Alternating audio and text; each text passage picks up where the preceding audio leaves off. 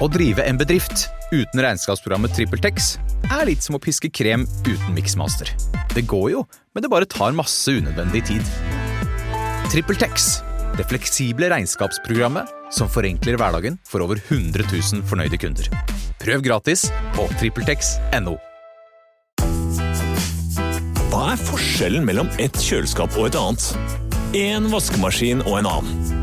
Denne oppvaskmaskinen i stedet for den. Velger du Bosch, får du slitesterke produkter som verken sløser med vann eller energi. Rett og slett bærekraft som varer. Like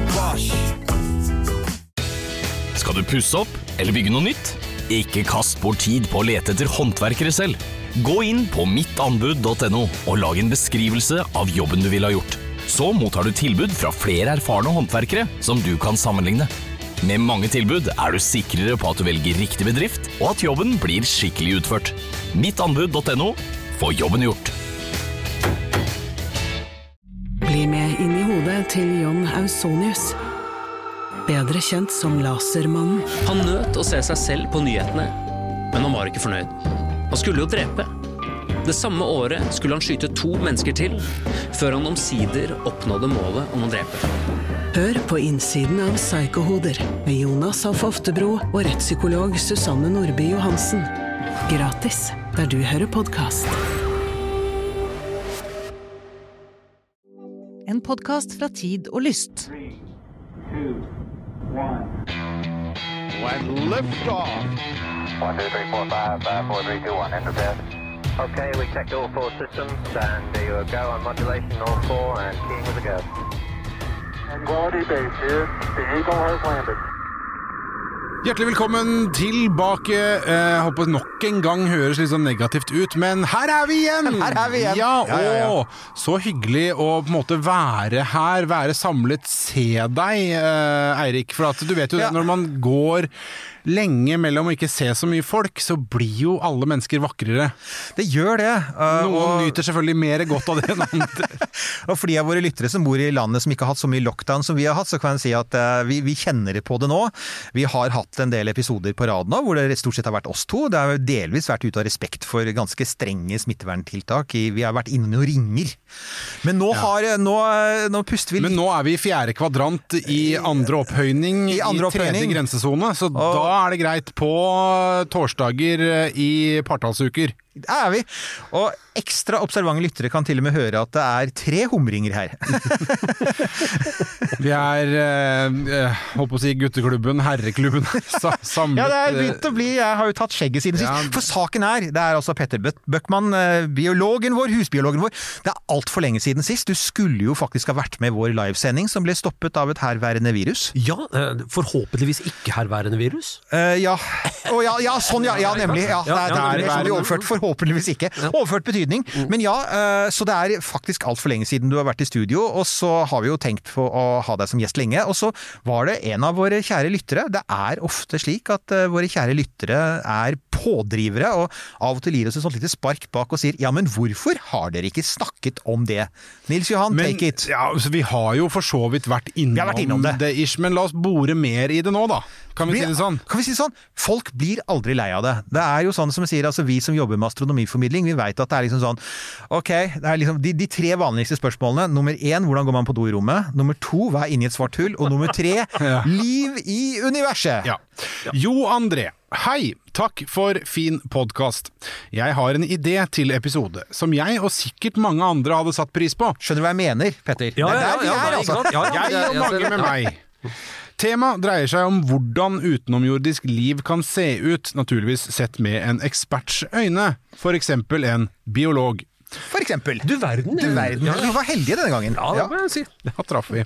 Hva, hva slags skapninger, næringskjeder og økosystemer kan man forestille seg?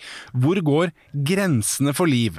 Hva skal til for at liv skal kunne utvikle seg i retning av en høyere intelligens? Det fins arter på jorden som orienterer seg ved ekkolokalisering, som kommuniserer ved å endre farge på huden, som kan bestå av x antall kjønn osv. Er ikke Hollywood ofte svært fantasiløse når det kommer til romvesener? Jo, det er det! Ja. Og noen ganger så er de kanskje for Ja. fantasifulle, Ja. vil jeg påstå. Men, men ok, jeg er ikke noe ekspert.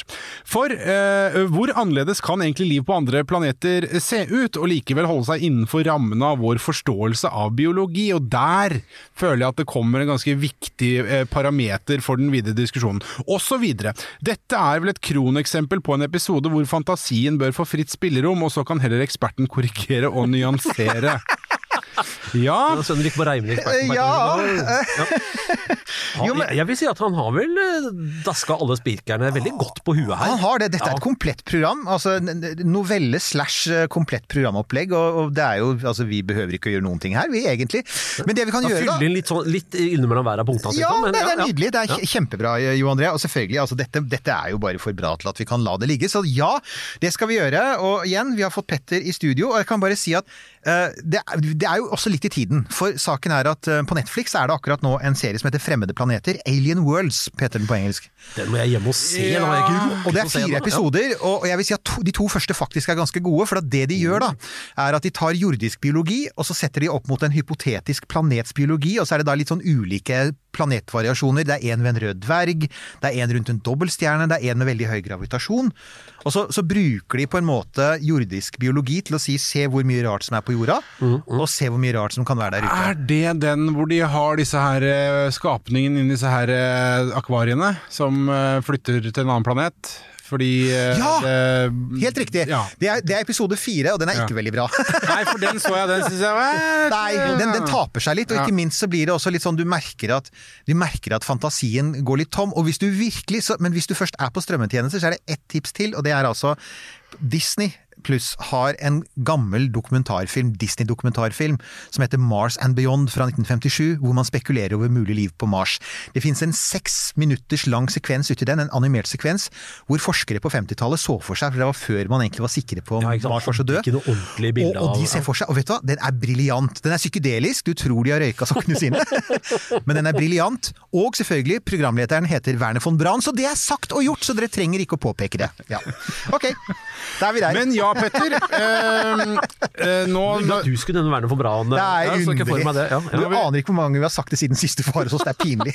Når vi har lagt eh, Nå skal vi liksom legge litt sånn eh, premisser her, da. Eh, Eller Jo André gjør jo det her nå. Så, så executive co-producer of this episode, Jo André. Eh, hvor går grensene for liv? Ja. Da er, da er vi jo rett ned på selve rosinen i pølsa med en eneste gang. Hva er liv? Mm. Og der er det ca. like mange svar som det er biologer. Ok, det var Jo André, sorry, det var det du fikk. Det som er, hva, du, du er jo biolog, hva tenker du? Jo, Hva er, hva er din definisjon? Eh, jeg opererer med sånn uh, huka på ei liste-type definisjon. Vi har ikke noe egentlig god definisjon på hva liv er. Eh, liv er en prosess, helt åpenbart, eh, og den kan stoppe. Da stryker man med, eller så kan, eh, kan man videreføre prosessen eh, et eller annet sted. Da har man formert seg, etc., etc., etc. Men den prosessen involverer et par steg. Punkt én, noe må brukes. Ja, ikke sant. Vi, vi eter og spiser Oi, hei sann. Vi spiser kaffen vår, og vi puster oksygen, og det kommer noe ut igjen. Og dermed så kommer det ut noe i andre enden, karbondioksid og vann. Alt dette til sammen er en livsprosess. Mm. So far so good. Ja, det burde holde for å definere liv. Eh, nei, det gjør det ikke. For la oss si et bål gjør jo det samme. Den bruker jo ved og oksygen, og så promper den av gårde karbondioksid og vann. Akkurat som oss. Er Og stjerner gjør jo det samme også. Stjerner gjør det samme. Er et bål levende? Mm, det- Levende for ild, levende flamme. Vi kaller det jo levende ild. Det det. Ikke sant, og den altså, har jo Trodde folk det i gamle dager? For jeg har lurt på det noen ganger. Altså, Kaller man det levende ild rett og slett fordi folk kanskje så det for seg som noe levende? Eller? Altså, det... Jeg tror kanskje mer det var noe med at de på en måte så at det, det er ikke liksom, det er ikke helt borte. Nei. Nei, Okay. det, er, altså, det er ingen som tror at stearinlys, eller flammene på stearinlys lever per se, Ja. men, men vi bruker livsmetaforene på det, for det er, liksom, det er ikke så langt unna. Så må alt levende kunne formere seg. Da er vi oppe på det morsomme her. Ja. Bortsett fra at bakterielt så er det kanskje ikke fullt så mye Ja, du vet paringskriket til bakteriene sånn Ai, det gjelder meg! Eh, jo, men altså, det er uh, Hvis du ikke kan det, så på et eller annet tidspunkt så stryker man med. Altså, om Ja. så detter en meteoritt i hodet på deg, som er sånn sinnssykt liten sjanse på, så noe dør man av på et eller annet tidspunkt, og hvis man ikke har fått formert seg, ja, så er det ikke mer liv. Så liv må kunne formere seg. Nødvendigvis. Liv må ha en eller annen form for orden. Må bestå av noe som er eh, inni og noe som er utapå. Hvis ikke så, så, så det liksom er skilt fra omgivelsene. Altså, en hel planet som sådan er ikke levende. Den er, eh, vi snakker om en levende planet, geologisk levende, men igjen der er vi over på sånn paralignende prosesser type ting. Og så må det, og her kommer selve krukset, den må også kunne forandre seg. Akkurat. Den må kunne reprodusere sin egen orden, men også forandre den fra en generasjon til den neste. Er, er det det vi mener som er, er kaller for evolusjon?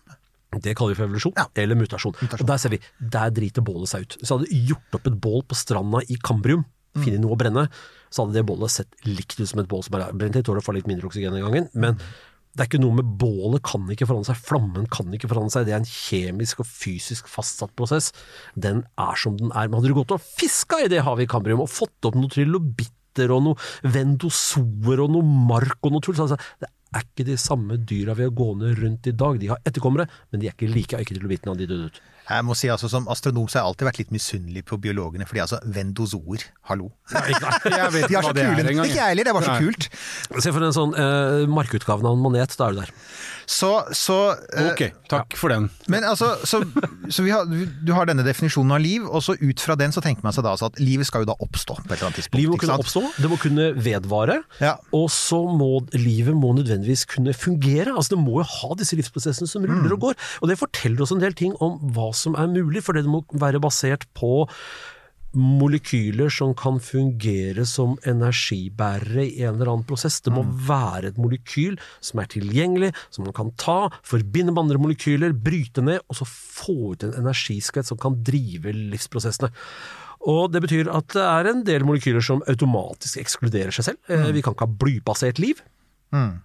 Det er, for det ser jeg alltid folk spør om, altså sånn type metallbasert, eh, silisium har enkelte sagt kan være en mulighet. Altså at liv som nærmest ser ut silisium er jo en hovedbestanddel i steiner. Altså, ja, ja, ja. Det er, og det, det, hvis, du ser på, hvis du ser på hvilke stoffer som er involvert i levende organismer her på jorda Mm. og, og, ja, så vi har Hovedproblemet er at vi har et jeg si, Vi skal dømme ut fra hva er universelt ut fra et sampel på én Ja, det- Det er litt dicey. Ja, det, ja for at det er jo alltid mitt ankepunkt når vi snakker om det her, at, uh, at eh, ja, eh, han, så Jo André her mener at kanskje Hollywood er litt eh, fantasiløse Mm. og så videre, men på en annen side, altså, vi vet ikke.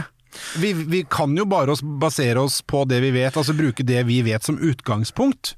Ja, altså der, der kommer jeg liksom Jeg er jo også fysiker, og jeg kan si at uh, når, når, når Sunniva Rose er her i studio, så geeker vi over at fysikk er liksom modervitenskapen fra hvilken alt annet springer ut. Men poenget er selvfølgelig at, altså, at, at er egentlig modefag. Som, ja, det, det, det skal, skal, Vi kan godt ta den også. Nei, nå skal ikke dere Men poenget var i hvert fall at, at biologien opererer jo innenfor noen fysiske rammer, og, og den eh, opererer innenfor noen kjemiske rammer. Det gjør den Ikke sant? Og, og det er klart at det er altså, så, For jeg, jeg, den dukker ofte opp, den der med at jeg er fantasiløs, og tenk på alle de fantastiske mulighetene her. Men så tenker jeg at jo, det er for så vidt sant, men det er også ganske stramme rammer i naturen. Det er veldig mange ting som, også vi som mennesker, det er veldig mange ting vi ikke kan gjøre pga. naturlovene. altså. Ja, ja, ja. Vi, er- ja, vi, kan vi har ikke antigravitasjon, og vi kan ikke liksom sånn dematerialisere oss og rematerialisere oss, fordi det er fysikk rundt oss hele tiden. Så du må jo alltid, og, og fysikken er universell, så de lovene som på en måte evolusjonen virker innen, da, de er i hvert fall ifølge moderne fysikk de samme overalt i universet. Så det, bør noen være sånn. være. Ja, ikke sant? Og, og der har du kanskje det største ankepunktet mot mye av de litt mer sånn fantasifulle rekonstruksjonene av, av si, em, spekulasjonene omkring liv der ute går på at ja, hvis vi har helt andre stoffer, hvis vi har uh, hud av rubidium, og du har blod av flytende bly, og du har bla, bla, bla, bla, bla, så ser vi, Ikke sant, ja? ja, så ser vi mm, Når vi vet at det skal være en livsprosess, så må det være stoffer som er reaktive nok. og Da kan du konsultere vårt gode, gamle periodiske system. og Da ser vi at De reaktive stoffene de er konsentrert i de øverste par linjene. Alt nedafor det er for tungreaktivt. altså Du får ikke stort nok sprang mellom hva skal jeg si, eh, bla, bla, bla og bla, bla, bla-oksyd til at det er nok energi til å drive en livsprosess.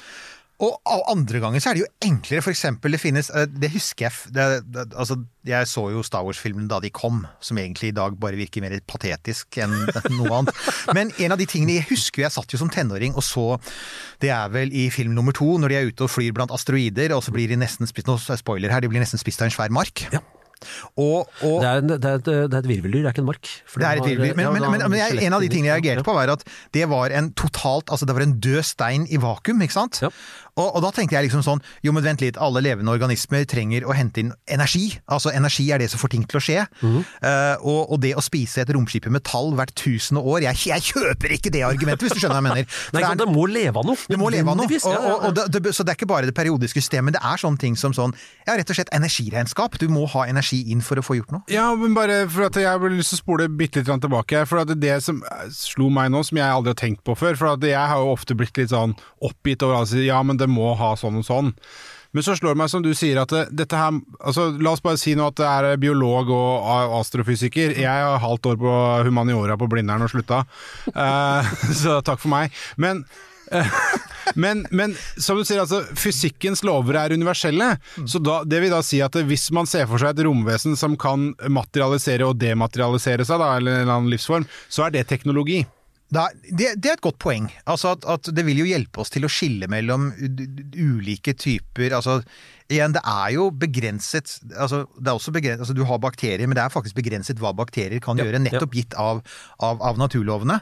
Uh, men, men det var én ting jeg tenkte på her, og det var jo det der som sier at um, Evolusjon, altså det naturlige utvalget, mm. det antar man er? Det, er det er universelt. Altså, det, det, er ikke noe sånn Det er jo egentlig også bare matematikk. Det er jo ikke det. Ja, ikke sant? Det er jo noe med at det er uh, sannsynligheten for at noe skjer, uh, ganger antall ganger det kan skje, og så bare ser du kan skjer eller skjer det ikke. Ikke sant? Ja.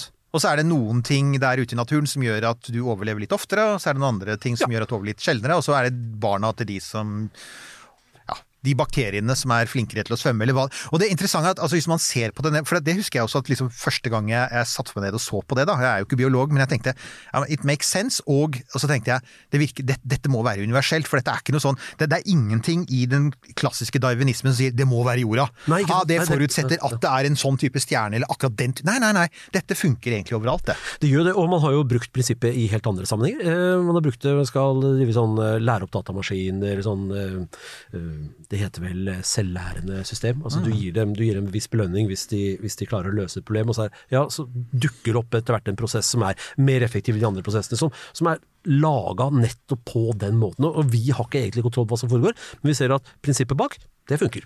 evolusjonære algoritmer og sånn som jeg har sett, det er ikke noe jeg har peiling på, men jeg ser jo at dette er noe man forsker på. Så jeg, jeg syns jo, jeg, jeg syns jo det er fascinerende. For at ok, på den ene siden så kan vi aldri være 100% sikre på, på hva som er der ute, hvis det er noe der ute. Det, er jo, det vi kan vi vel komme tilbake til. Men, oh, det kommer vi nok innom. det må vi komme innom. Men uh, det som men som slår meg, siden, siden vi da veit en del om fysikken Vi veit at liksom en planet er en planet, og en stjerne er en stjerne, og energi er energi. Det er de samme grunnstoffene, det er de samme lovene og reglene som styrer det.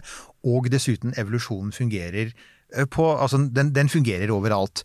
Så er det jo noen sånne ting. Altså det er jo et begrep her som heter eh, konvergent, eh, konver, kon, konvergent evolusjon, er ikke det heter? Altså for, forklar hva det er. for det. Konvergent evolusjon det er når to organismer som ikke nødvendigvis er så veldig like, ender opp med samme løsning på samme problem. Mm. vi har eh, Av og til når vi er ute og, graver etter våre tidlige forfedre, så hender det at vi finner sånn første dyra som drev vasa rundt på land, eh, som ble sånn ordentlig land, de første krypdyra. Så ser vi det at eh, ja, vi har noen svære planteetere, eh, og så er vi ikke sikre på er dette amfibier eller er det krypdyr. Og det er liksom de, de tidlige krypdyra, ti, mm. seine amfibiene, ja, panserpaddene. Og så ser vi at uh, de ligner veldig på hverandre. Er de faktisk i slekt? Altså, nei, det er de ikke. Det er bare det at eh, de er svære og feite og tungbygde fordi det er sånn man blir når man lever av næringsfattig mat med det utgangspunktet de hadde. Eller eventuelt hvis man spiser litt mye snop, som noen andre av oss har opplevd. det kan man også gjøre. og så har du, så har du det andre klassiske eksempelet. Hai og delfin. Ikke sant. Ja, de, er like, de er strømlinjeforma. De skal svømme fort i havet. Tunfisk, akkurat samme greia. Fiskeøglene som levde en gang i tiden, akkurat samme greia. Så det du egentlig sier er at, at det er en fordel å være strømlinjeforma uansett hvilken væske du svømmer i, ikke sant? Fordi at den som kommer seg fortere fram, har større sjanse for å overleve og større sjanse for å få avkom, f.eks. Eller da, Hvis det er sånn du lever. Hvis det er sånn du lever. Ja, og så, klart, Skal du leve det livet, Ja. skal du leve livet som en forfølgelsespredator og lever i en væske Det så, hørtes veldig tvilsomt ut. ja, det er, ja, det, Det det, er sånne folk jeg har hørt om finnes på liste. Vær, ja, vær forsiktig, folkens. De har lover mot dette i USA. Ja. ja, sånn er det. Eh, Hvis du la oss si du er en makrell, da, som er, det er en klassisk sånn forfølgelsespredator, eh, så, så er det ikke noe særlig valg. Du må se ut som en sånn der spindeldings. Men la meg bare sånn da, for å komme inn fra den ulærde sidelinja her nå da. Altså, det er bygd opp av fordeler, og det det er evolusjon, eh, det skjønner jeg. Hva er da, eh, hva er fordelen av å gå på to bein? Som Fordelen av å gå på gjør? bein, det, du, er veldig enkelt. Eh, Det er oversikt. Hvis du sjekker mennesker eh, La oss si at jeg er superslem, og så kidnapper jeg alle dere to som sitter i studio. Det er ikke så veldig mange, da. En hel haug med en skoleklasse. Jeg kidnapper en skoleklasse. Da har vi litt eh, utvalg. Nå er det mange sånne triggerord i sammen, men ok. Ja, Det er både, det er, her kommer din indre forfølgelsespredator ut, da. altså. ja. Det er, vær litt forsiktig her nå. Nå er vi på en liste. Og så drar de ja, Det blir kanskje ordentlig, men øhm, så har vi et hus i skogen, hvor de, øh, og så kan de velge hvert sitt soverom, for det er en snill kidnapper. Og det er noen av soverommene er sånn at det står trær helt inntil glasset omtrent, sånn der grantre, bare du kikker rett ut så får du granbar i nesa, og andre er sånn litt på framsida hvor det er, det er noe, en liten åpen plass, og du kan se litt vann i bakgrunnen. Så sier de ja, hvilket soverom vil du ha? Så vil alle sammen begynne å krangle om de soverommene som ligger ut mot en åpen plass. Og grunnen til det er som Ulf Lundell en gang i tiden sa, jag trivs best i åpna landskap. Vi er et slettedyr. Vi liker utsikt, og det er fordi vi løper ikke så sabla fort. Og dermed var vi se leoparden tidsnok. Altså, bare, bare en ting her. Du kunne ha fått til den skoleklassen uten kidnapping, bare så det er sånn. Ja, ja, lille... det, det, det, Prøv å invitere først, Petter. Prøv å invitere. Jeg, jeg tenker leirskole. men, men det er jo et innmari godt poeng. fordi at altså En av de tingene man reagerer på, er f.eks. Hollywood. ikke sant? Ja, Babylon 5, som var en bra serie i sin tid, men liksom omtrent veldig mange av Jo, den eh, kommer nå eh, lagt ut på en eller annen strømmetjeneste. Eh, Vakkert, vakkert, vakkert. Kommer. Ja. Binging! Ja, men uansett, da. Det er, det, den, i likhet med mange andre sånne serier, har jo altså for eksempel tobeinte vesener yep. med hodet på toppen og øyne på toppen. og, og og igjen, det gir jo faktisk mening, fordi hvis du først skal ha oversikt, så bør jo syns- og hørselsorganene dine være høyt oppe. det som gjør at syns- og hørselsorganet er høyt oppe hos oss, det er at huet er høyt oppe. Um, Huet er normalt foran på et dyr. Ja. Du vil gjerne ha sanseorganene dine sentrert der du først havner i trøbbel. Ja. Og det er klart, Fordelen din havner gjerne først i trøbbel, sånn at du bør oppdage det med en gang. Det hjelper ikke å ha øyne i rumpa hvis noen står og spiser på hodet ditt. Det er poeng. Ja, ikke sant? Og så lenge du beveger deg i en eller annen retning, så lenge du er et, et dyr som liksom skal noe og gjøre noe, så ender du gjerne opp med å ha en foran og en bak, og da sitter sanseorganene foran, som er huet, og når vi står på to bein, ja, så havner de opp. Men jeg da tenker da, med sånn forhold til hvis du ser for deg at, eh, som du sier, eh, altså, det, er ikke, det er jo ikke sikkert at altså, og Her må vi også tenke litt på hva slags miljøer man har på de ulike stedene, selvfølgelig.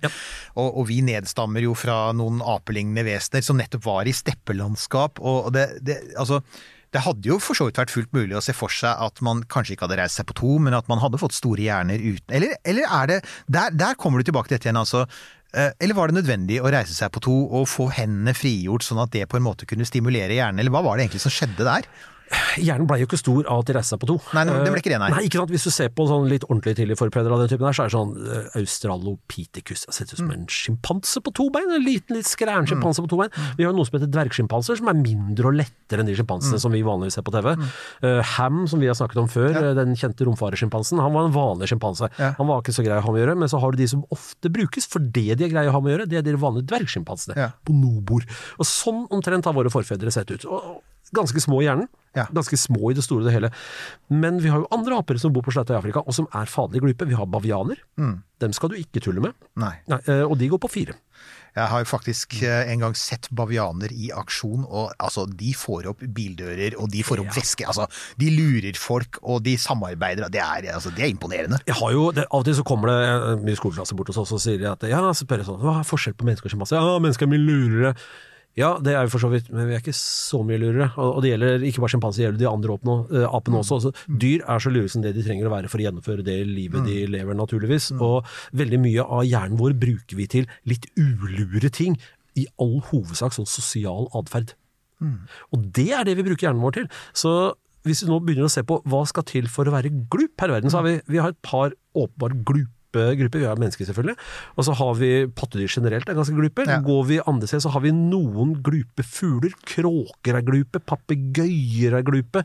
Går vi utafor virveldyrene, så er vi nede på ting som blekksprut og bier. Hva er felles for hele denne gjengen? Hva er felles for oss og sjimpansen og papegøyer og bier og blekksprut? Det er at alle sammen er sosiale vesener.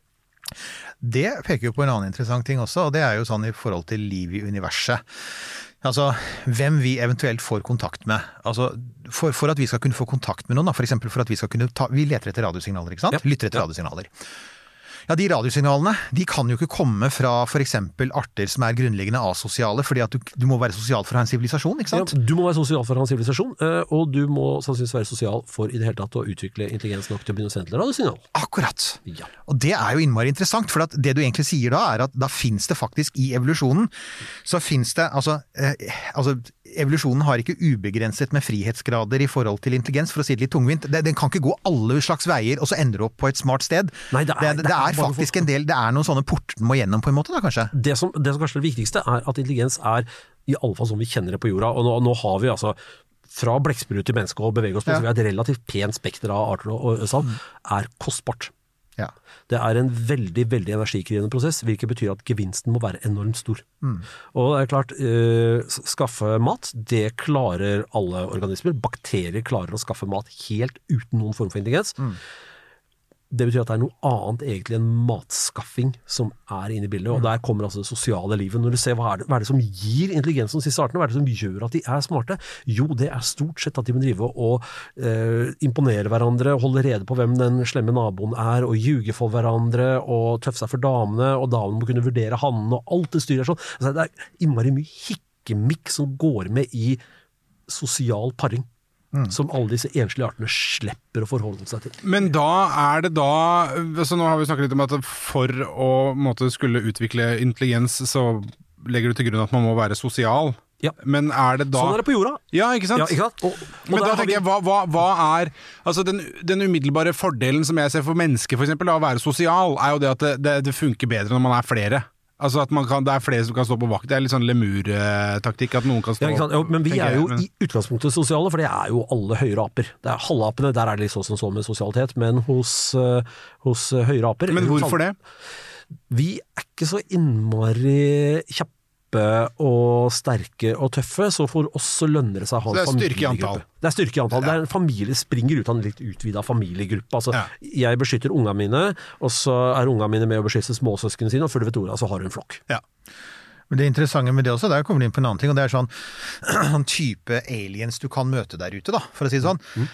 Hvis vi og, og det er jo et åpent spørsmål, er jo hvor ofte det skjer, men i hvert fall eh, igjen, at, igjen altså, nettopp det at det er en sånn filter her på sosialitet, og altså Sosialitet er jo ikke det samme som at man er vennskapelig innstilt mot alle, men samtidig så er det jo helt klart et element av at for å kunne bygge store, kompliserte samfunn av den typen vi har For eksempel sitter vi i et Vi sitter jo faktisk i en maurtue med 700 000 mennesker, og, og det går overraskende bra. Eh, Jeg Og vet her sitter tre svære mannfolk like ved siden av hverandre. De er bitte, bitte, bitte Ingen har glessa til hverandre. Ingen har myrdet hverandre. Noen har spekulert høyt om å kidnappe, men det er også alt. men, men, det er, men, men, men ikke sant? Og det, er, det jo litt interessant, da, fordi at det har jo i den diskusjonen om igjen, eh, altså hvorfor det er så stille i universet, og hvorfor det er så vanskelig å fange opp signaler og sånn, så har jo en av tankene nettopp vært der at det ligger en filtereffekt i det at at for å kunne komme langt nok til å faktisk få en sånn spacefaring civilization, og få et svært nettverk av radio eller laser eller hva de driver og kommuniserer med, ja, så, så skal du ikke bare være sosial, men du skal faktisk være sosial på en sånn måte at ikke du hele tiden kriger med alle de andre sosiale gruppene, for da, da får du aldri bygd opp de ressursene. Altså et samfunn i konstant Er det, ikke, er det Papua Ny-Guinea hvor det er sånn, alt, ja, sant, sånn ja. intense rituelle kriger? Og det er klart at hvis du hver gang litt du sånn i Amazonas så, sant? Hver gang du bygger opp et lite overskudd, så kommer på en måte nabostammen og bare dreper, tar, tar liksom sånn uh, ungdommene og damene som slaver, og, og, og dreper mennene og tar verdiene. Det er klart, da er det veldig vanskelig å bygge opp store byer, eh, teknologi eh, Kommer liksom ikke noe lenger. Biblioteker, ikke sant. Altså det du trenger for å lage en sivilisasjon, da. På den annen side, eh, selv om man har bygd opp både store kolonier og biblioteker og alt mulig rart, så trenger jo ikke det å bety at man lar være å gå til krig. Se Romerriket. Ja, ja. Jo, men Og- se Romerike, se alle kolonimakter. Ja, Altså, se- Ja. se men da, da, for å men si da det har Igjen, altså. Du skal ha sånn Men, men de, de, man, man trenger da, det, da Man trenger i hvert fall en viss periode av intern ro. For å måtte bygge, Ja, øh, bygge opp kan nok se, overskudd til å gå til krig krig mot vi, den andre. når er det vi har hatt en periode med intern ro som har medført at vi har gjort sånne store ting? Det er jo gjerne da etter svære kriger. Ja, det er det. Ja, øh, Det er og så er det gjerne etter noe, noe hungersnød og noen sykdomsrunder og svartedauden og person. Da har du hatt de der roperiodene hvor man har tid til å bygge opp. Sentralsystemet har klappa litt sammen, og så har folk fått ordne seg sjøl litt, bygd opp litt ressurser og så. Ja. Nei, for, så, så det, det er fordi at det er jo en av de tingene som jeg ofte savner når jeg, liksom sånn, når jeg ser sånn ja, fiksjonsaliens, da. Mm. Er at ofte, og det, det er mange som har sagt det igjen om Star Wars-universet, det er mange som sier at Star Wars-universet er en kantinabasert økonomi, for det er så mye barer, det er så mange steder. Sånn. Flesteparten av de som jobber i Star Wars, den galaksen langt land unna, de, de serverer drinker til, eh, Og at til alle har akseptert det som fenomen. ja, ja. Ja. Så det er, jeg, jeg elsker Mandalorian, altså, bare så det er sagt, men, men igjen, det er utrolig hvor ofte det, altså, du, du, ser, du ser aldri en fabrikk på en måte som liksom Nei, som produserer produserer- melkekartonger, ikke sant? Altså, Ja. Nei, nei, nei, det er alltid sånn en eller annen fyr med noen sånne eh, banditter. Så, så igjen så er det sånn, apropos det mangelen på, på oppfinnsomhet, da. Så tenker jeg, eh, En ting er sånn biologisk oppfinnsomhet. At vi ofte ender opp med å se ut som skuespillere i gummidrakter. Og det er sikkert også økonomiske grunner, for i gamle dager så var det skuespillere i gummidrakter. Nå har vi jo datagrafikk, så nå kan vi gjøre hva vi vil. Å ta bedriftens årsoppgjør og sende inn skattemelding uten regnskapsprogrammet TrippelTex er litt som å kjøre budbil uten GPS. Du får nok levert, til slutt, men ikke uten å rote rundt og bruke masse tid. Med TrippelTex kan du stole på at du har riktig verktøy til regnskapsjobben. Prøv gratis på TrippelTex.no. Med Bosch får du bærekraft som varer. Vaskemaskin som doserer så nøyaktig at den sparer både vaskemiddel og vann. Oppvaskmaskin som bruker mindre strøm. Og kjøleskap som gjør at maten holder lenger. Slitesterke produkter som verken sløser med vann eller energi. Skal du pusse opp eller bygge noe nytt? Ikke kast bort tid på å lete etter håndverkere selv. Gå inn på mittanbud.no og lag en beskrivelse av jobben du ville ha gjort. Så mottar du tilbud fra flere erfarne håndverkere som du kan sammenligne. Med mange tilbud er du sikrere på at du velger riktig bedrift, og at jobben blir skikkelig utført. Mittanbud.no få jobben gjort. Uh, men Men så blir jo det litt sånn vanskelig, da. For Ja. sånn, hvis det blir for sånn sneglebasert, så er det sånn nei, det, man, eh, man identifiserer seg ikke, og da er det liksom, sånn i Hollywood storytelling, så er jo det dårlig. Men her er en sånn tanke som er, det er sånn, vet altså, Man sammenligner ofte med organismer på jorda. det er det, Her vil jeg liksom utfordre deg litt, Nødd, Petter. ja. Og det er altså vi har så utrolig stort mangfold av rare dyr på jorda. ikke sant? Fra, Noen dyr. Det, det, er, det er så vanvittig mye rart der ute. Med, fra, liksom, fra blekkspruter til nakenrotter og insekter og, og alt, larver og alt mulig. Og så tenker jeg, er det kan vi se for oss at det, det liksom er sånne svære felter som, altså, som, som vi ikke engang kan forestille oss? Altså at det er sånn måter å gjøre ting på som bare er Fordi vi er så bundet opp i dette bildet. altså Vi har et stort mangfold, men så er det noen sånne varianter som når vi møter på dem, så vi sier wow! Ja, er det mulig? Er det mulig? Det går ikke an, ikke sant? Ja, jeg jeg tenker alltid kommer tilbake til disse ekstremofilene som lever i syre og Ja, ja, ja, og, og kokende vann Ja. og Ja, ikke sant? Jeg må jo da jeg, Altså, jeg skrev en bok om livet i universet for en del år siden. Jeg er jo litt Altså, jeg hadde jo Da hadde jeg litt Dabber du nå? Er det sånn Ja, jeg dabber litt. Jeg dabber litt, for det er, det, er, er ikke video her, beklager. Vi gjør ikke det akkurat nå. Men dere ville sett en fantastisk dab, for her vil jeg dabbe litt for eh, Der Rotoklau. Det er faktisk på tysk. Den boka ble oversatt til tysk, og jeg kalte det for Rotoklo. Og det jeg tenkte på, det var dette med at altså, vi har jo Mennesket har jo funnet opp hjul, ikke sant? Men det finnes massevis av runde ting i naturen også. Så, så det, altså denne rotasjons... Altså dette med å rotere for å komme seg rundt. Så jeg så for meg en sånn planet med sånn slake sletter og sånn egentlig ganske godt planert, litt sånn golfbaneplanet. som, og det er et sto, en stor eh, så, altså et, et økosystem basert på Helt planeten Mar-a-Lago? Burde den ha hett, vet du. Det er, jo, det er jo nesten et godt space-navn.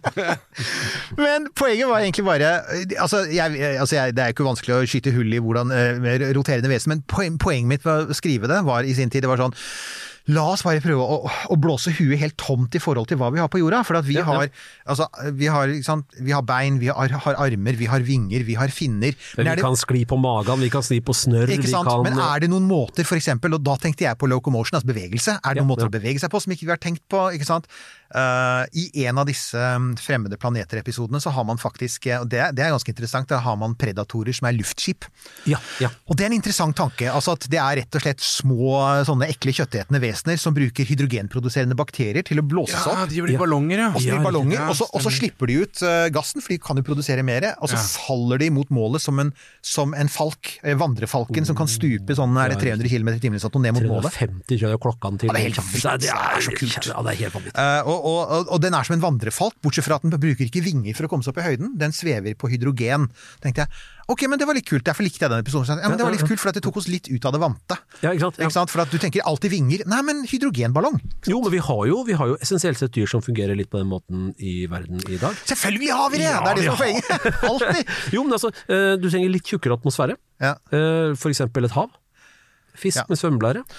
Og, og saken er, det var morsomt du sier det, for der kommer vi inn på dette med evolusjon i forhold til ulike miljøer. For når vi tenker revolusjon, på andre steder, så tenker vi ofte på jordlignende planeter. Dette var en planet med mye, mye sterkere gravitasjon. Ja, og og det de påpekte, som var litt kult, det var at når gravitasjonen er sterkere, så er det klart at da må du ha mer krefter for å komme deg opp fra bakken. Mm. Men samtidig så blir atmosfæren mye tettere, og det er mer enn kompenserer. Så det det regnet ut, da, var at på den planeten så var den tettere atmosfæren gjorde det faktisk lettere for en del typer organismer å fly enn det, enn det var på jorda. Så det var en ganske interessant eh, balansegang der. Ja, Nick? Ja, nei, jeg bare jeg har et, en annen mulig eh, evolusjon, Mm. eh, og da er vi tilbake til disse her eh, som jeg nevnte i- Våre venner ekstremofilene.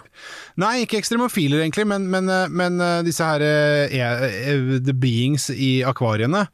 For da tenker jeg menneske, og så har man jo sett diverse sånne eksempler på det at, at jo, jo mindre fysiske mennesker trenger å være, så er det noen som har spekulert i at ja, men til slutt så blir vi bare en hjerne. Ja, ikke sant? Men Eh. bare sånn fyrstikkropp, eller knapt det engang.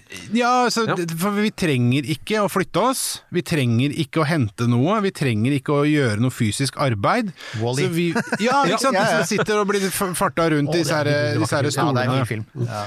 Eh, Men til slutt da, så er, blir vi bare en sånn hjerne eh, som ligger i en eh, sånn saltlake med noen elektroder kobla til som, som gjør at vi er hooka på systemet som gir oss det vi trenger. Hvordan har du tenkt å formere deg under sånne forhold? Nei, men det, det løser jo altså alle maskineriene, henter DNA og ordner, lager nye enheter. Det fins jo en gruppe med dyr som allerede er der, og det er jo en del typer rasehunder som per i dag også må ha hjelp Ja. til å føde valpene sine. Så det er, vi Ja, er faktisk ja. litt Så det er, jo, det er jo i for seg I teorien så er det jo ikke utenkelig at Altså, når teknologien kommer inn i bildet og hvis teknologien blir permanent, at det, det blir en sånn vanlig del av livet vårt, at vi ikke tenker på det lenger, at den kan forsvinne, så kan vi si at ja, ja, men hvorfor i all verden skulle vi ikke bare gjøre det, da? Ikke sant? Ja, ikke sant. Men det er jo, der har du en liten forskjell på oss og de der rasebikkjene, og det er jo at vi gjør det for dem, og de har egentlig ikke en say i saken. Nei, det er helt sant. Og Det er- det er, det er to ting som skal til for å videreføre genene. For det første må du overleve lenge nok til at du får det til, og så må du finne noen som er villig til å gjøre det sammen med deg. Ja.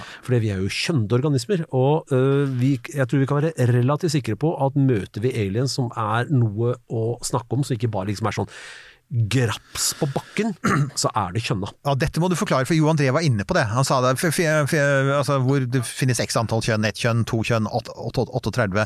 Eh, Hva er greia med kjønnede organismer? Kjønnede organismer er en måte å stokke om gensetter på. Du tar eh, halvparten, eller du tar eh, ett sett fra deg, og så har du ett sett fra, fra homor, og så roter du sammen.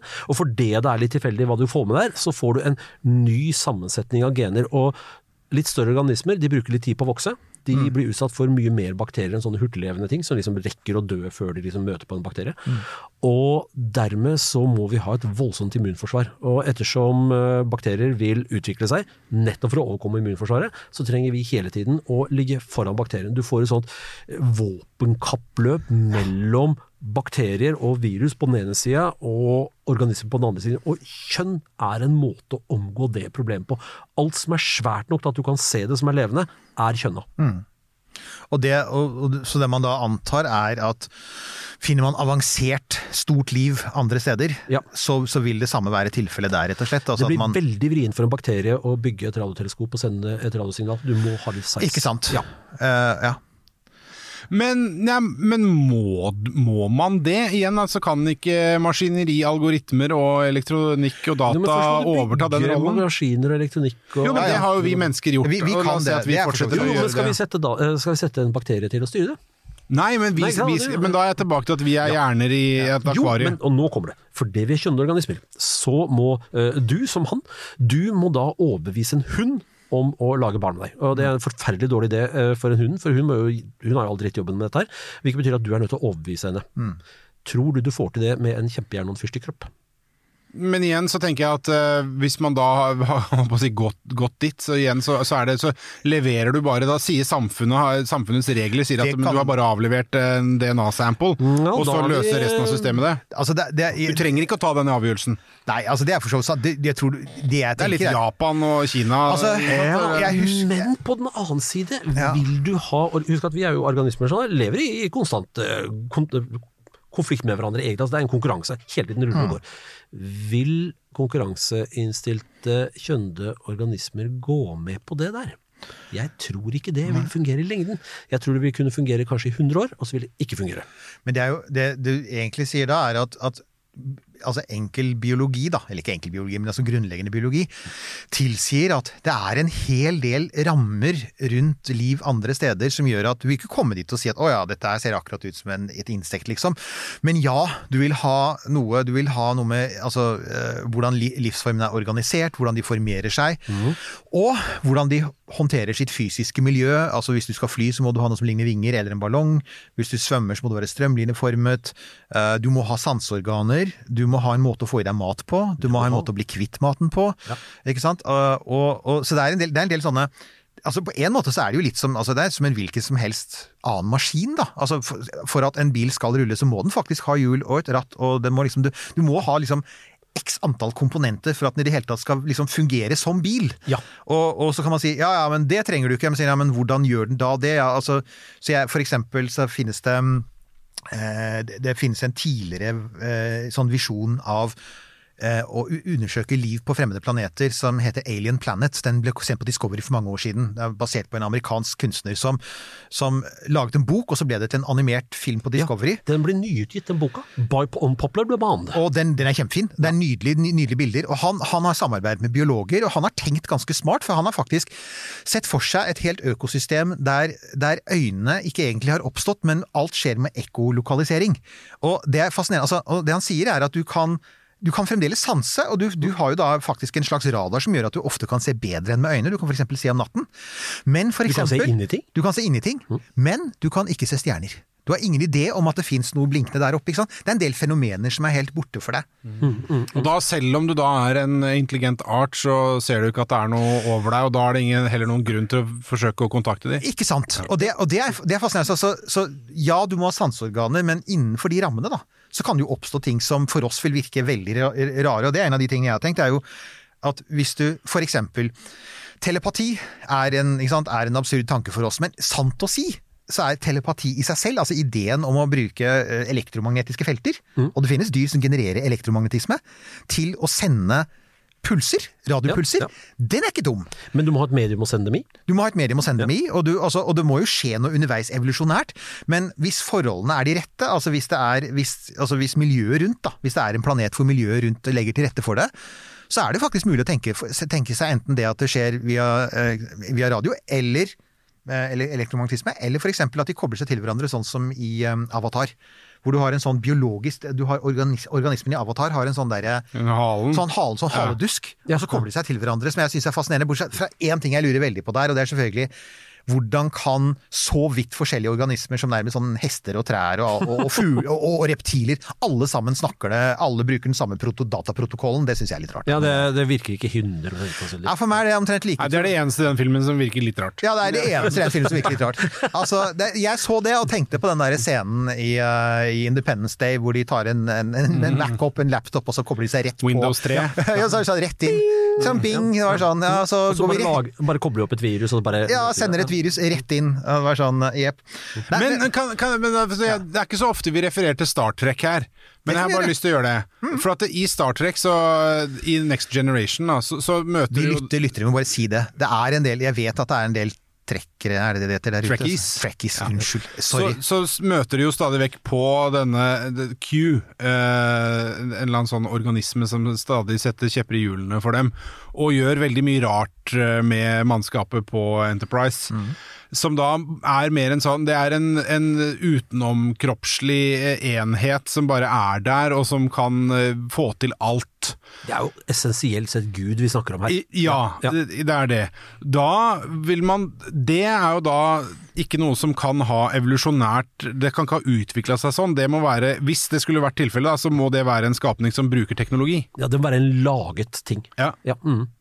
Ja, det var det, takk. Ja, det var ja, bare det ja, men, ja, men det, ja, jeg er helt enig med din vurdering. Men, men her er en ting som, det er faktisk spørsmål som jeg har fått av den diskusjonen som jeg har av blant annet at Den diskusjonen jeg har hatt mange ganger med Jostein Gaarder, som jeg kjenner litt. Grann. Mm. For han skrev faktisk en bok om dette i sin tid, for han har vært veldig, han har vært veldig fascinert av en ting, og det er dette med tendensen til økende kompleksitet over tid. Altså, for saken er, det er jo, altså, du har evolusjon, ja, Mm. det er kult, og ting forandrer seg. Men hvis du er der lykkelig som bakterie, ikke sant? Mm. hva er det som gjør at ikke bare får du ulike typer bakterier, men du får større, og de begynner å slå seg sammen, de blir flercellede, og så er det ikke bare flercellede, nei, nei, så begynner de å få liksom sånn eh, skjelett og indre organer, og så, og så så, så det spørsmålet han stiller er, er det, er, det, altså, er det slik at evolusjonen på en måte har en retning Altså går i retning av ikke bare økende kompleksitet, men at det på en måte Du ender på et eller annet tidspunkt alltid opp med noe som er så komplisert at det kanskje kan bli intelligent. Er det sånn, eller hvordan fungerer Det vil jo, det som vil skje, det er at du alltid vil ha en konkurranse mellom organismer. Og, Bare for å nevne bakteriene. Eh, litt uenige om hvordan man regner der, for vi vet ikke helt hvor dypt bakterielaget går i havet og sånn, men det er godt mulig at ni av ti kilo levende organismer på planeten fortsatt er bakterier. Ikke sant? Hvilket betyr at det der armer og bein og hjerne, det er litt pynt på toppen. ja, altså, Og de var før oss, og lenge etter at vi er brent opp av sola, så vil de faktisk trives. Ikke sant? Ja, ikke sant. Ja, Eh, og når man, når man driver og konkurrerer, så er det sånn at det er stadig mindre gevinst i potten å hente. Du må bli stadig mer effektiv for å tyne ut den lille gevinsten.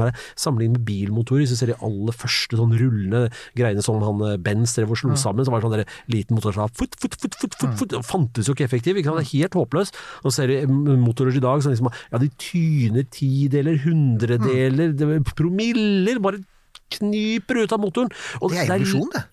Ikke sant? Ja, det, er det er litt, det er litt der vi er. I et marked, er det ikke det? Ja. Rett og slett. Og, og det er klart at når vi har, når vi har en, en slektning som er kjempeavansert, eh, og du er bare litt mer avansert, gitt nok tid, ja, så vinner du. Hmm. Vi vant over sjimpansen. Og, og da, så det du da sier er at kompleksitet, altså det å kunne gjøre flere ting, løse flere problemer på ulike måter, vil være en fordel. Så det gjør at, at selv om bakterier er flest, så er det jo altså, også slik at altså, vi er totalt dominerende som dyreart sånn oppå landjorda. Og Det er vi. Det- Men det er under forutsetning av at vi har nok energi som fòrsystem i bånn, fordi marginalene er innmari små. Ja. Ryker noe i bånn her, Ja. så klapper dette sammen som et korthus. Ja. Og det er jo det som skjer hver gang det kommer en litt større katastrofe. Det har vi jo hatt noen av i, i planetens historie. Vi hadde en uh, overgangen mellom, eh, mellom perm og trias, for Ja, la oss snakke om den istedenfor dinosaurdreperen, for den kjenner alle til. Perm og trias har ikke alle hørt om. Nei, nemlig. Da døde 90 av alle arter vi har noe sånn særlig oversikt over. Bare vupp! Og så forsvant en hel haug med svære, store, avanserte økosystemer, svære, store, avanserte dyr, etc., etc., etc. Og så var det bare sånn rotter og mus og firfisle-type ting som overlevde. Altså veldig sånn enkelt økosystem som kom ut på andre sida. Så det er klart, ja, du har en fordel med å være kompleks og stor og fæl og ha mye tenner og være en tyrannosaurus, f.eks., helt til det smeller. Og da er det ikke en fordel. Og så kommer det, og der kommer jeg til det med at så øker kompleksiteten til det at det kommer ikke bare en art som er intelligent, men det er en art som er intelligent nok til å se at som faktisk kan se at katastrofene kommer. Som for eksempel kan Og se at grue. Ja, men Ja, kan, kan- vi få gjort noe med det? Er mer der det ligger, da? La oss si at vi oppdager at det er en litt røslig asteroide på vei. eh, Og vi, du vet, det skal, det skal sendes av gårde. Eh, ESA skal faktisk sende av gårde en eh, ferd som heter DART. Eh, Om, et, om, noen få år, vi har snakket litt om en tidligere episode, så var vi innom eh, at de driver allerede og planlegger litt sånn, eh, noen, sånn ja, Nei, bare få gjøre deg ferdig med dart. Og, og, og, det er, så, så ja, du har helt rett, eh, men, men, men man jobber med det nå. Ja? Eh, og, det, Og- det finnes noen strategier for å gjøre noe med det. Det finnes strategier. Eh, Spørsmålet er er de gode nok. Hvis vi ser på solsystemet vårt, som vi anser som nydelig og vakkert og stabilt, og sånn, så er det jo ikke det på ordentlig. Det er såkalt pseudostabilt. Det bare forandrer seg veldig langsomt. Eh, og på et eller annet tidspunkt så får vi en smekk. Det gjør vi, og da er det lurt å være på flere planeter, sånn by the way. Bare sånn, for at all den tid uh, Werner von Braun nå er eh, nevnt uh, flere ganger her. litt litt Nå har vi sagt det alle sammen, faktisk. Ja, så, der, så, har jeg lyst til, å- så har jeg lyst til å nevne Elon Musk. Ja, dem har man nevnt. Fordi jeg hørte på Elon Musk hos Joe Rogan, Ja. uh, hvor de begynte å snakke om krokodilla. Som, eh, som, ja, den har jo bare levd for alltid, ja, men det er superfint, for de ligger bare der og liker å spise råttent kjøtt. Ja. Så da kan du holde på ganske lenge. For det er jo, hvis alle andre dør, så vil det bli relativt mye råttent kjøtt. Krokodille, skal sies, er en av tre sto, altså storbygde dyregrupper som overlevde slutten på dinosaurtiden. Det var bare for han, Vi måtte komme tilbake til det. Jo, jo, men det er da, kult, da. Da døde jo alt svært ut. Grunnen til at krokodillene klarer seg, det er at de kan en ting som alt andre svære ikke kunne. De kan gå i dvale.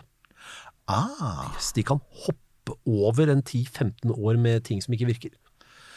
Det er en ganske Det god egenskap vært- når eh, den, krisa den skulle vi gjerne hatt her nå i mars. Ja, ja, ja. Kan 2020 og 2021 hadde vært grei Og... Men, der, men, men da også, eh, bare litt sånn for å, for å eh, måte koke litt sånn ting ned eh, på, Ja. på et uh, forståelig nivå for uh, sånne som meg. Så, Krokodillen, ikke sant? Den, For den lever i beste velgående, Ja. og grunn, litt av grunnen også kanskje at krokodilla ikke har blitt så smart, og har begynt å lage biler eller noe sånt, eh, hus eller datamaskiner, er fordi at den trenger ikke det. Den Nei, har det helt fint sånn som den har. Den har ikke noe gevinst av det. Nei. Ja.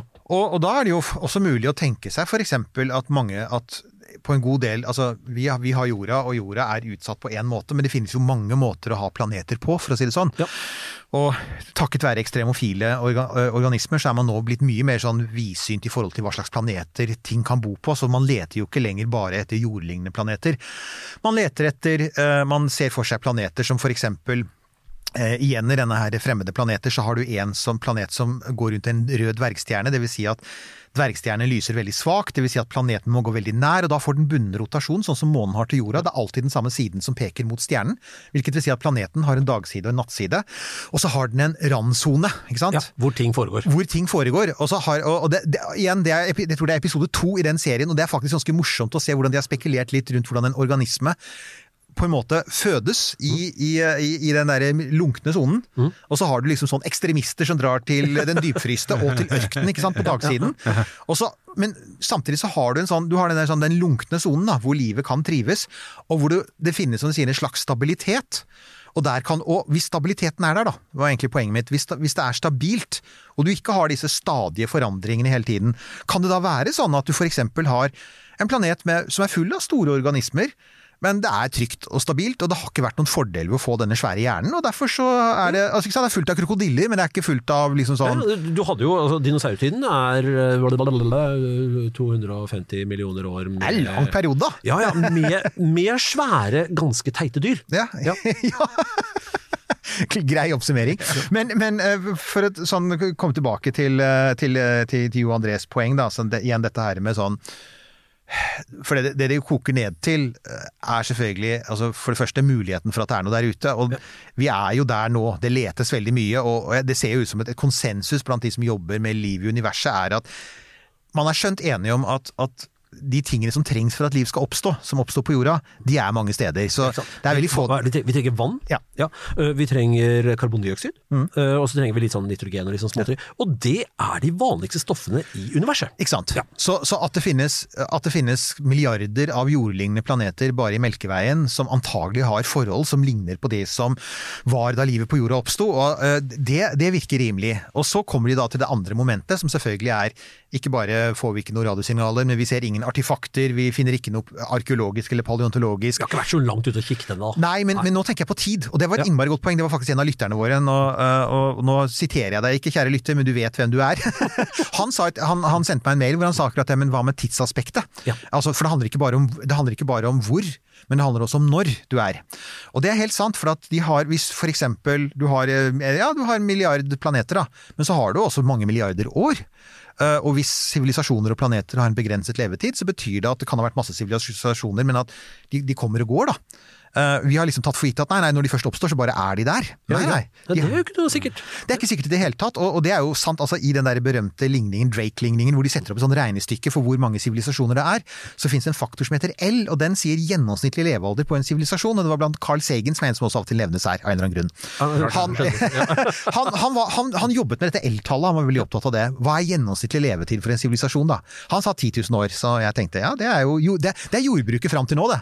Det er jordbruket fram til atomraketten. Ja, ikke sant? Og jeg, jeg er ikke sikker på om, eh, om det nødvendigvis er noe dårlig estimat. Jeg tror det er egentlig. sant å si, er det med tanke på hvordan verden er. Men, så, så, men, men det jeg også tenker da, er at det er jo også en mulighet for, for å komme tilbake med det der med at det er jo ikke nødvendigvis slik at det alltid ender opp med tenkende sosiale vesener, var egentlig poenget mitt. Nei, Altså? Evolusjonen er evolusjonen, så du, det kan hende at mesteparten av tiden så ender det opp med ja, krokodiller.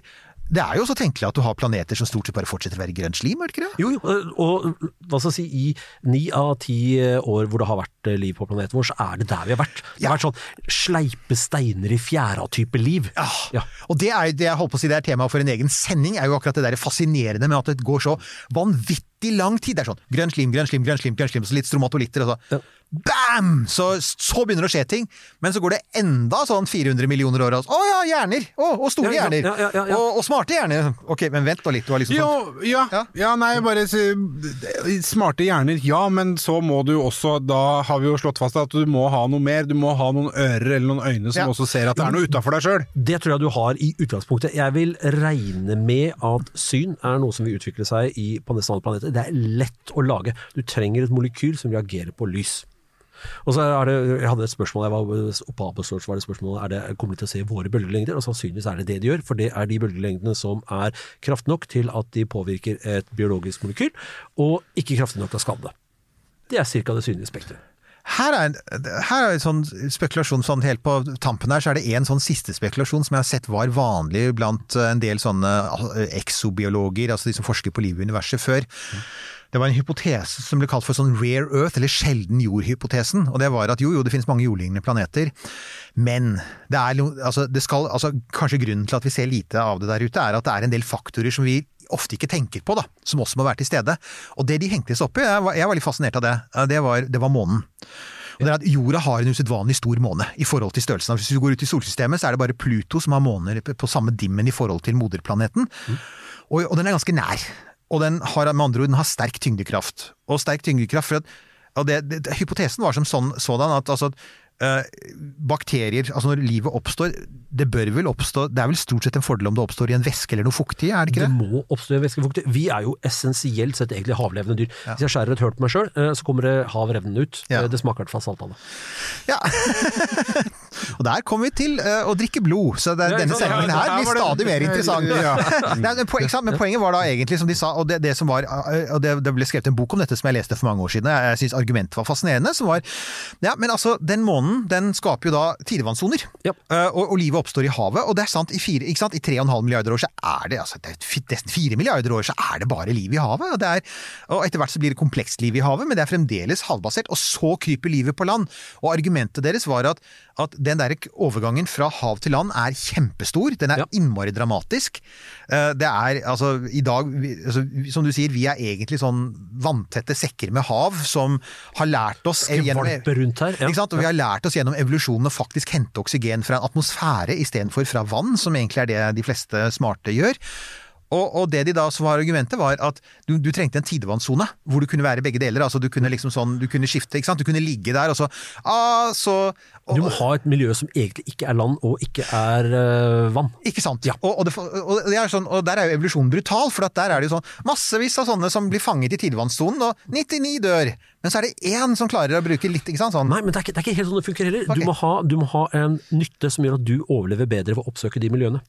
Ah. Og der hvor du har miljøer som ikke er vann og ikke er land, men litt begge deler, der har du sånne dyr. Slamkrypere i, i tidevannssonen i Amazonas f.eks. Mm. Det er sånn, Den typen dyr eksisterer jo. Ja. mener, det, dette, vet jo også, men igjen, det er et helt veldig godt poeng. Det har å gjøre med tidevannssoner. Men når du sier er det vanskelig å komme seg på land, for det er et annet spørsmål her. ja. begynn å telle opp hvor mange organismegrupper har tatt seg opp på land. Vel, plantene har gjort det, Soppene har gjort det. Mulig at det er to sopper som har gjort det. Eh, krepsdyrene har gjort det. Skrukketroll er et krepsdyr, det er ikke et insekt. Så har ins eller leddyrene har gjort det i to eller kanskje tre omganger, for edderkoppdyrene har gjort dette separat fra insektene. Mulig at tusenbeinene også har gjort det separat. Og så er det virveldyrene som har klart å komme seg på land på et eller annet tidspunkt. Det er også, ikke sant? Ja, det er også, ja. det er også med skjelettet inne i typen. Vi er nå oppe i åtte grupper. Det er ikke så vrient å komme seg på land. Altså, ja, for virveldyrene har det vært vrient å komme seg på land. Det er fordi vi er svære. For de andre dyra, som er litt Det var den mindre. Men det er jo derfor vi inviterer Petter. Jo, altså men det er, sånn- ikke, det er ikke sikkert den er dårlig Nei. likevel, men kunne du for eksempel, Langgrunn strand med tidevann er forutsetningen her, altså. For virveldyr, ja, men kunne du fått den samme effekten ved å ha en eh, elveleiesystem med tørketid og regntid? At du hadde litt samme Ja, greia der? selvfølgelig. Ja, så, så mener det er ikke umulig. Det er ikke umulig, men det du kan si da er at det er helt klart at månen akselererer det. Det er et godt poeng. Månen har, Altså- gjort, månen har gjort det mulig for svære dyr som oss å komme oss på land, men det er kanskje ikke de som har gjort det mulig for insektene å komme på land. Ikke sant? Ja, men, det er, men vet du hva, jeg, tror vi skal bare gå tilbake Ja. og se litt. Hva var det, Jeg hadde bare tenkt- var det Jo, Men du skjønner, vi har, jeg, har et, jeg har et faktor til som, Ja, som ikke har okay. det. En- en ja. Eh, Magnetfelt. Ja! Du må ha en planet med et magnetfelt. Det- Det, er ikke alle planeter som Nei, har det er det absolutt ikke alle som har. Det er jo blant annet det er et av problemene som Mars har, det. Ikke sant. Ikke sant? Så det er jo så, så det er ja, og, og Venus har også et veldig svakt magnetfelt. Det er jo interessant. Og så må du ha, for at dette skal rulle og gå, så må du ha en planet hvor du får en jevn fornyelse av overflaten. Hvis ikke så bruker du opp overflaten. Typisk noe som har skjedd på Mars. Overflaten er brukt opp. Ja. Det blir ikke fornyet. Det Nemlig. kommer ikke ny atmosfære tytende ut av, av, overflaten. Og, men det må ikke ja, være det- for mye, for da får du Venus. Ja. Ja. Så du har, da, du har den der eh, gullhår og de tre bjørnene, så Goldilocks, Ja, Goldilocks, ja. eh, Ikke sant? Den der sånn midt på treet, akkurat bortsett fra at fysikken i Gullhår og de tre bjørnene er helt feil, folkens. Så les den aldri for barna dine hvis du vil at de skal bli forskere. Men bortsett fra det men? Du må ha, du må ha et visst forhold mellom uh, en varmeproduserende kjerne og en mantel rundt, og så en jordskorpe på toppen. Og Den er gæren på Venus, og den er gæren på Mars, men den er grei på jorda. Så med andre ord, det er uh, Altså, når folk og de, igjen, de kommer jo ganske ofte til oss og har gode forklaringer på liksom, hvorfor vi ikke oppdager noe. Så pleier jeg å si at vi, kanskje vi bør starte med the basics. Kanskje vi først og fremst går tilbake til For det, det handler om biologi. Og, og det er en del ting ved biologien her som, som faktisk gjør at det er ikke sånn, altså Ja, livet kan oppstå, men det er ikke gitt at alt går i den retningen vi tror. Og det er mange faktorer som kommer inn. Så er det tilfeldighetene. Mhm. For eksempel, kanskje du er heldig og bor i et solsystem med færre asteroider. Det, er vari Ja, det varierer, det òg. Eller så er du uheldig og bor i et solsystem som er så fullt av asteroider som det du har i den der Star Wars-filmen med de svære markene som Ja, bor på kan, ikke sant? ting, ting. Men så har du et, et annet eh, fenomen. Eh, Vi snakker jo om at det er så vanvittig mye stjerner i Melkeveien. Men hvordan er det å bo innover mot eh, kjernen i Melkeveien? Altså, det er, der er strålingsforholdene er, det, der. Er det mulig at galakser har en Goldilocks-ånd? det, det har man faktisk snakket om. Det er et innmari, er innmari godt poeng. Altså at det er regioner i galakser, f.eks. rundt de sentrale svarte hullene. Hvor det kanskje ikke er så smart uh, å, å, å, leve. Og, og hvis du, så, så ja, det er jo en del Dessuten så er det sånn at de eldste stjernene i universet, de egner seg, de første stjernene som oppsto, de egner seg ikke for liv. For da hadde, fantes det ikke de tunge grunnstoffene som trengs. Da, da hadde du Karbon, ikke karbon og jern og oksygen og svovel og alt dette fantes ikke. Så, så det er, det er altså Hvis du begynner å liksom skalle av, da, så ser du at det er ganske mange faktorer som gjør at vi er, altså, vi, Nei, vi er, ikke de, vi er helt sikkert ikke de eneste, men den der med en sånn galakse full av sivilisasjoner som er på omtrent samme nivå som oss, den er lite realistisk. Den er lite realistisk. Det er folk som også har sagt at det er mulig at vi er de første. Jeg, synes, jeg, jeg er litt tilhenger av den, jeg. Ja. Fordi at altså, den ene, som du sier, vi har et sample på én. Ja. Og det er en innmari lang og komplisert prosess å komme fram fra grønn slim til våre hjerner. En Oh, yeah. prosess med mye tilbakeslag, en prosess hvor det så ut til å stå stille i flere milliarder år. Og det fremdeles er litt sånn uklart nøyaktig hva er det som liksom booster, og, hva er det, ikke og, og ikke minst hvilke faktorer var, var løfta det. Ja, ja, ja. ja. Så, og så har de overlevd da et og annet meteorittnedslag og et par andre sånne ugreie ting. Og det kunne jo vært noe altså, det, det, det var jo, der spilte jo tilfeldighetene stor rolle, så, så ja. Vet Skal, du, kan jeg få lov til å nå, skal lov. Jeg skal bare få lov til å oppsummere her litt. Ja, grann, ja. fra Jo André. Han stilte noen spørsmål.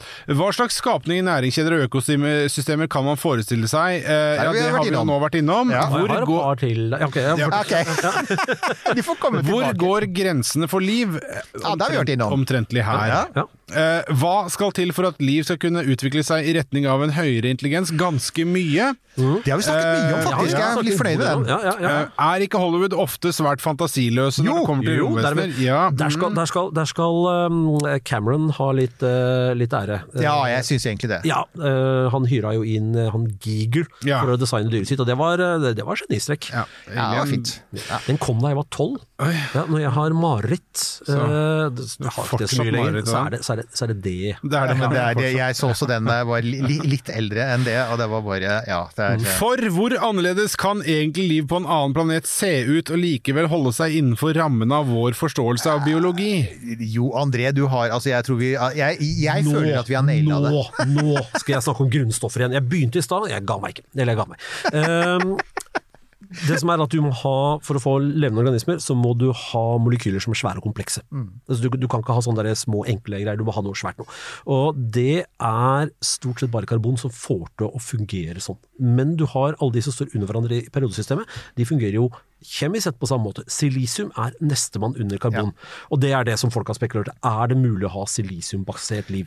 Som sånn ryggraden i molekylene, liksom, som skal de andre Ja. Bytter du, du tar, tar, tar eh, jordliv, og så bare bytter ut alle karbonbitene med silisiumbit Mm. istedenfor. Problemet da eh, er at hvis du da, la oss si du skal bryte ned et eller annet silisiumbasert og puste ut igjen, eh, karbondioksid, så får du silisiumoksid, det er kvarts.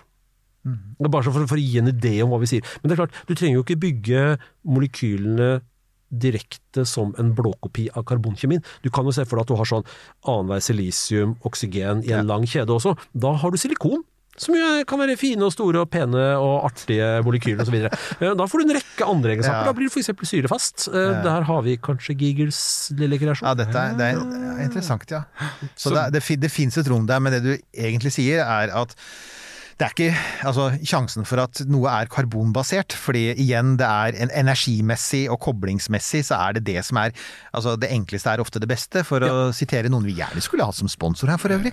Men, som, eh, så, så, er, så er det jo det, altså, liksom, altså naturen, Og det er jo igjen sånn fysikken, da. Altså at hvis du, du søker jo mot på en måte det som er minst energikrevende. Ja. Eh, Mennesker gjør det ved å legge seg på sofaen, og det gjør ting ute i naturen, og det søker mot det laveste nivået, det minst energikrevende nivået, hvis det kan. Så ja, eh, det er eh, Så ja, det jeg tenker da, er at vi har på en måte vi har sånn gjerda inn. Altså det finnes jo ingen konkrete svar her, for vi har et sample på én. Ja. Men eh, nå, nå, nå skal det jo se har en idé om hvor den grensa går. Og så syns jeg vi også, det var artig her nå, for at det jeg syns var gøy her nå, at det vi egentlig også har konkludert med her, eller i hvert fall Petter, er jo det at eh, den beste Hollywood-alien som sånn vitenskapelig sett er, eh, er alien. Ja. Den er nydelig, jeg er helt enig. Og, og en ting er altså, den er fin å se på, den er skikkelig skremmende, men jeg er helt enig i at der er det tenkt Jeg husker det, altså det var liksom nerden i meg allerede den gang, selv om ikke jeg, jeg var jo alltid interessert i biologi, og særlig marinbiologi. Og leste mye om det, og jeg tenkte liksom ja, men her har de faktisk tenkt litt på det. De har tenkt, de har tenkt Det er en organisme, det er ikke bare en sånn bu, skummel maske.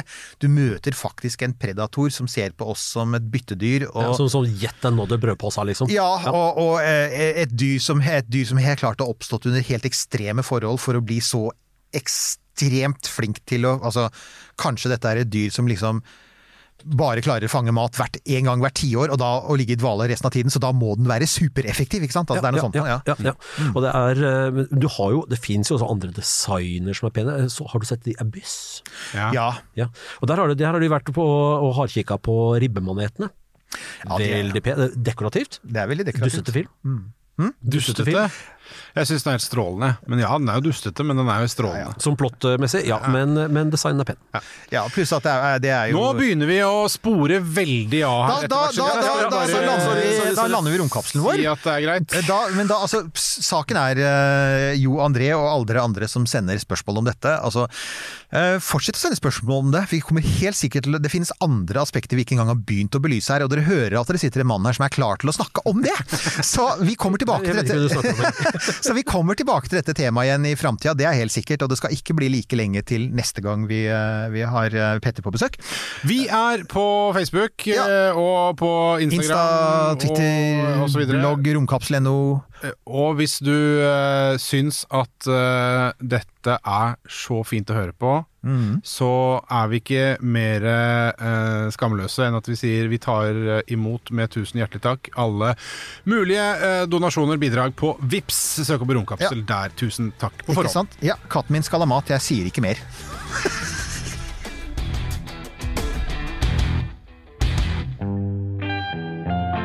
Denne Podkasten er produsert av Tid og Lyst.